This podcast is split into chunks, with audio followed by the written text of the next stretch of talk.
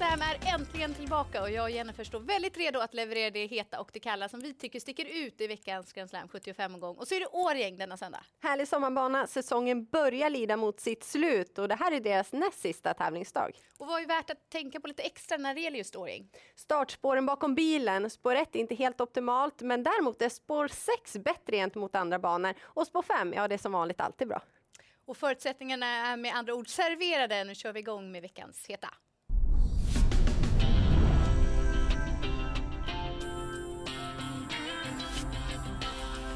I den första avdelningen så är jag väldigt spänd på att se nummer fyra Global Bienvenue tillbaka på banan. Hon hade en fin treåringssäsong i fjol där hon fick seger tre gånger på hennes sex starter. Det är ett långt uppehåll så det är ingen toppform som sitter där men med tanke på hennes fina grundkapacitet och att hon står väldigt fint in till det här loppet så tror jag att man har siktat lite extra och jag tycker att man ska räkna med henne direkt. Och I den andra avdelningen hittar vi fem direktör Ribe som endast vunnit två segrar i sin karriär. Men en av segrarna är tagna med Carl Johan Jeppsson i sulken på just Årjängstravet. Och nu kör Jeppsson för andra gången och det känns spännande. Och går vi vidare till den tredje avdelningen så vill du lyfta fram en häst som var ute i tuff konkurrens senast. Du tänker på tre Broadway Oro som kommer från en mersmakande andra plats och kan ha bra chans att leda det här loppet runt om. Och tränare Susanne Richter, hon har hittat formen. Stallets tre segrar är tagna i augusti och september. Men den formstarkaste tränaren denna dagen, det är helt klart Maria Törnqvist som har hela sju segrar på hennes senaste 16 starter. Och när vi talade vid henne tidigare i veckan så meddelade hon att det är nummer sex Chang i den fjärde avdelningen som är hennes hetaste chans på förhand. Han håller väldigt fin form, får Örjan Kihlström upp i sulken och dessutom spår 6, ett bra spår på Årjäng som vi nämnde inledningsvis. Men om vi pratar om formtränare så måste vi nämna Jörgen Westholm som är känd för att ha den längsta och jämnaste formen av alla tränare. Ja, och just Jörgen Westholm har en trio ut till start och han inleder med nummer 6, Dreams Happen i den första avdelningen. Kort distans för andra gången. Vad tänker du om det? Ja, bra. Jag tyckte hon funkar.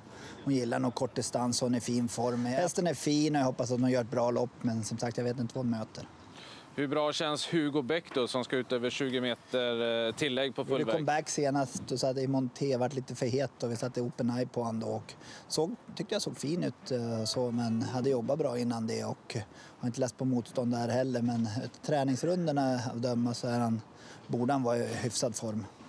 Och i sista avdelningen ska Gardner Shaw ut och eh, han slipper Admiral As i alla fall. Ja, det kan man ju säga. Nej, jag försökte hitta ett vettigt, lite lättare lopp. Han har ju matchat lite tufft och fått ett intressant utgångsläge här och tränat bra. Så han är givetvis en av dem som är med i striden. Så där har jag faktiskt sett att Björn har en väldigt bra häst. Så, så långt har jag kommit i mina påläsningar. Så att, eh, men vi hoppas på seger givetvis. Han har tre fina hästar, men hans bästa chans kanske inte kommer i den femte avdelningen, kallblodsloppet. Men där tror jag mycket på sex Björlefanner som har sett lysande ut på sistone och kommer också från seger. Han brukar öppnas som en traktor och hamna långt bak, så klar fördel att det är ett litet fält den här gången. Och går vi till avdelning 6 så vill du lyfta fram en häst som står på tur för seger.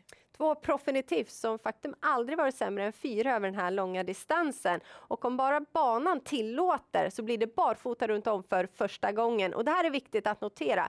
För det står att han gick barfota runt om för fyra starter sedan på Årjäng. Men det är fel. Så blir den balansen på söndag, ja då är det för första gången. Så håll koll på balansinformationen och vädret.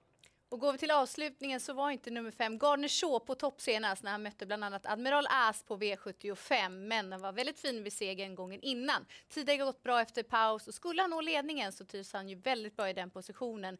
Fem segrar på sju försök. Det var vår heta omgången. Här kommer veckans kalla.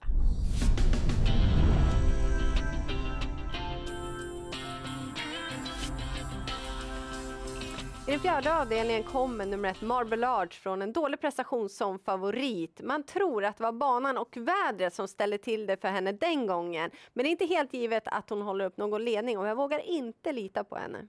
Går vi till den femte avdelningen så håller nummer ett Olof väldigt fin form och kommer från en snygg tredjeplats i norska derbyt där han fick en väldigt fin prischeck med sig hem. Men det är inte alltid lätt att bära snabba pengar och framförallt inte när han nu möter äldre och mer rutinerade konkurrenter. Dags att summera ihop våra tankar och om du bara får lyfta fram en måste häst inför söndagen, Jennifer. Det måste bli Nathalie Bloms fina Björlefanner som kommer vara gynnad av det här lilla fältet. Och jag är väldigt spänd på att få se nummer fyra Global Bienvenue tillbaka på banan i den första avdelningen. Och Magnus Jakobsson som tränar och kör, han kan sitt årjängstrav. Ja, det kan han verkligen. Stort lycka till med Grand Slam 75!